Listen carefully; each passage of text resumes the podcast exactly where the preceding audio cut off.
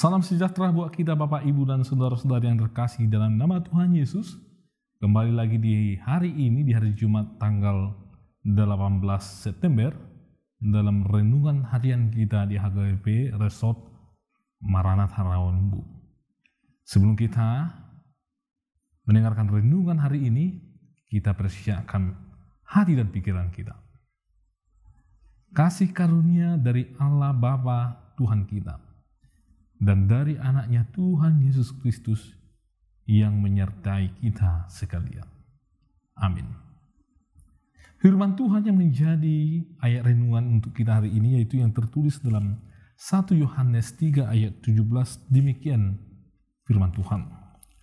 Barang siapa mempunyai harta duniawi dan melihat saudaranya menderita kekurangan tetapi menutup pintu hatinya terhadap saudaranya itu, bagaimanakah kasih Allah dapat tetap di dalam dirinya?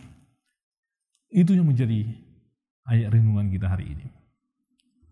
Bapak, Ibu, dan saudara-saudari, hari ini di dunia yang semakin modern ini, kita diperhadapkan dengan situasi COVID-19. Kita akrab dengan istilah COVID-19 yang mengakibatkan begitu banyak ketakutan, kematian.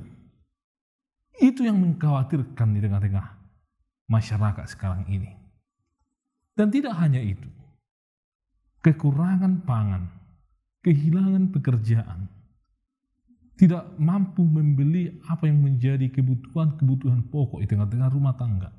Itu menjadi sebuah kekhawatiran saat ini Bapak Ibu dan Saudara-saudari. Itu yang membayangi orang saat ini Bagaimana saya besok? Apakah saya masih bisa makan? Bagaimana saya besok? Apakah saya masih bisa membeli, mencukupi kebutuhan di tengah keluarga? Padahal kondisi perekonomian, kondisi keluarga kami begini. Kami sedang kekurangan uang, kekurangan segala sesuatunya untuk mencukupi kebutuhan tengah-tengah rumah daripada banyak saudara-saudara kita. Bagaimana respon kita Bapak Ibu dan Saudara-saudari di saat pandemi ini? Respon kekristenan mengatakan bahwa kasihilah sesamamu seperti engkau mengasihi dirimu sendiri. Bahkan ada yang lebih radikal lagi, dikatakan bahwa tidak ada kasih yang lebih besar daripada seseorang yang menyerahkan nyawanya untuk saudara-saudaranya. Itu sebabnya Bapak Ibu dan Saudara-saudari, etika kekristenan sebenarnya menekankan bahwa diri kita ini sendiri harus dibelakangkan dan mendahulukan orang yang begitu banyak. Diri kita ini sendiri tidak terlalu penting, tetapi orang lain lebih penting untuk kita layani, lebih penting untuk kita kasihi, lebih penting untuk kita tolong Bapak Ibu dan Saudara-saudari. Bapak, Ibu, dan saudara-saudari, tidak hanya hari ini saja orang Kristen menghadapi wabah atau pandemi atau epidemi. Dahulu sudah beberapa kali dalam sejarah kekristenan menghadapi epidemi di mana banyak orang Kristen pada waktu itu diam. Di abad kedua, ada yang disebut dengan wabah Antonine yang terjadi di Romawi. Pada masa itu kekristenan belum banyak. Orang yang percaya kepada Kristus masih hanya terdiri dari orang-orang tertentu di beberapa kota. Namun Bapak Ibu dan Saudara-saudari, kehadiran orang Kristen di wabah antoteni ini muncul. Mereka merawat orang-orang yang dalam keadaan sakit. Mereka memberi kecukupan baik makanan, pakaian, minuman, atau apa yang dibutuhkan orang-orang pada waktu itu akibat pengaruh dari wabah Antonina ini yang mengakibatkan di abad kedua pertumbuhan kekristenan itu berkembang pesat. Orang percaya kepada Kristus. Orang semakin percaya bahwa Kristus itu adalah sumber dari kasih karena melihat begitu banyak orang yang mengikut Kristus melaksanakan pekerjaan kasih menolong orang banyak, menjual apa yang ada padanya hanya untuk menolong orang lain. akibat dari wabah Antoni di abad kedua di Romawi. Di abad ketiga juga ada wabah Siprianus. Wabah ini diangkat dari nama seorang santo di gereja mula-mula pada waktu itu. Karena di dalam khotbahnya santo tersebut, Santo Siprianus mengatakan bahwa orang Kristen harus melipat gandakan kasihnya, melipat gandakan seluruh energinya, kekuatannya, pikirannya untuk merawat orang-orang, untuk menolong orang-orang yang sedang terdampak dari wabah Siprianus tersebut. Yang mengakibatkan di abad ketiga semakin banyak orang yang datang dan percaya kepada Kristus pada waktu itu. Mengikut Kristus dan menjadi pelaku kasih, menolong orang-orang yang masih bisa diselamatkan. Tidak hanya keluarga, tetapi orang banyak, bahkan orang yang tidak percaya kepada Kristus pada waktu itu. Sejarah gerejawi, Pontianus pernah menceritakan bahwa di pada masa wabah Siprianus ini bahwa kebaikan telah dilakukan kepada semua orang tanpa melihat siapa dia latar belakangnya. Tidak hanya kepada keluarga, tetapi kepada semua orang yang butuh pertolongan pada waktu itu di Romawi. Bapak, Ibu, dan Saudara-saudari, kita perlu melihat bagaimana Adolf Hitler dia adalah seorang yang sangat mengasihi keluarganya. Sangat luar biasa sekali kasihnya kepada keluarganya. Apa yang dibutuhkan oleh istrinya, anak-anaknya, dia akan segera memberikan, mencukupinya. Bahkan mereka sering berdua bersama. Tetapi Bapak, Ibu, dan Saudara-saudari, bagi orang lain kasihnya tidak ada. Dia melihat bahwa hanya hanya seperti manusia, bawahan dia saja yang bisa disuruh-suruhnya. Atau orang dari bangsa lain, dia tidak peduli.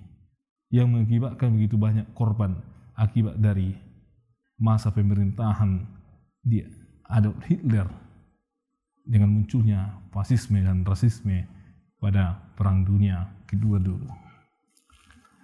Itulah Bapak Ibu salah satu atau dua tindakan dari orang Kristen dalam sejarah gereja yang menunjukkan bagaimana orang Kristen menunjukkan kasihnya kepada orang banyak.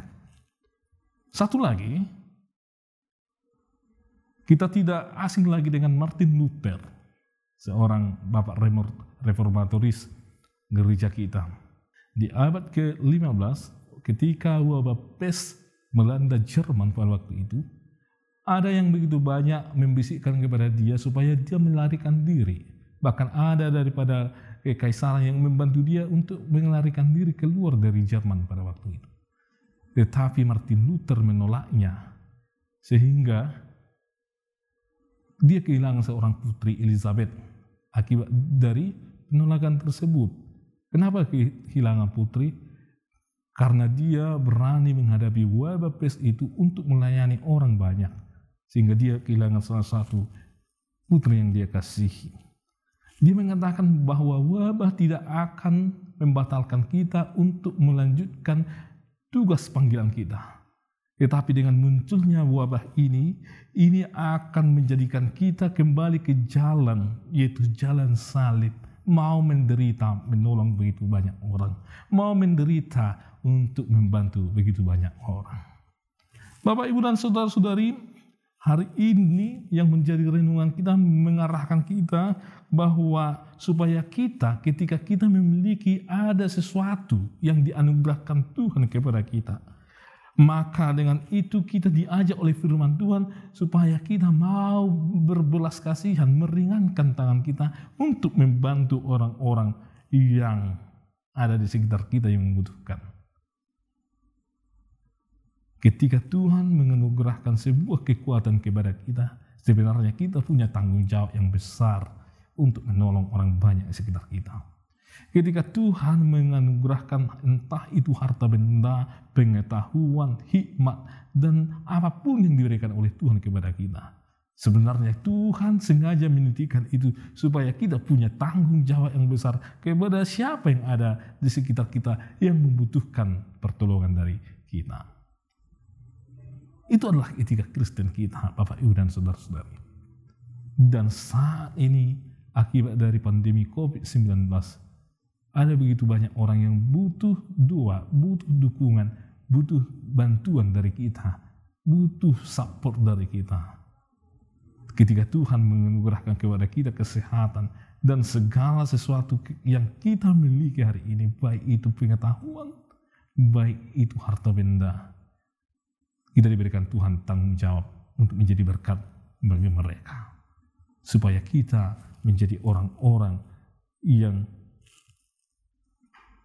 senantiasa dikasihi oleh Tuhan. Amin. Bapa di dalam sorga kami bersyukur karena Kristus telah rela mati menyerahkan nyawanya bagi kami. Itu karena kasihnya ya Tuhan, sehingga dia menjadi teladan kasih bagi kami ya Tuhan. Agar kami ya Tuhan mau mengorbankan diri kami untuk menolong, mengasihi orang di sekitar kami dengan apa yang ada pada kami ya Tuhan. Ya Tuhan, berkatilah jemaatmu Jauhkan mereka dari mara bahaya, penyakit, terutama ya Tuhan akibat dari COVID-19 yang semakin merajalela di tengah-tengah bangsa dan negara kami ini ya Tuhan. Lindungilah jemaatmu ya Tuhan. Berikan kekuatan bagi mereka di dalam mengerjakan pekerjaan yang engkau anugerahkan itu. Serta limpahkanlah ya Tuhan berkatmu yang melimpah bagi jemaatmu. Ya Tuhan, kami serahkan seluruh rangkaian kehidupan kami. Tuhanlah yang mengatur. Tuhanlah yang mengarahkan seluruh hidup kami supaya kami senantiasa di dalam bimbingan yang daripada Tuhan. Ampuni Tuhan kami dari segala dosa dan pelanggaran kami, serta naungi kami dengan kasih-Mu. Hanya dalam Kristus Yesus kami berdoa kasih karunia dari Allah Bapa kita dan dari Tuhan Yesus Kristus dan dari Roh Kudus yang menyertai kamu sekalian. Amin.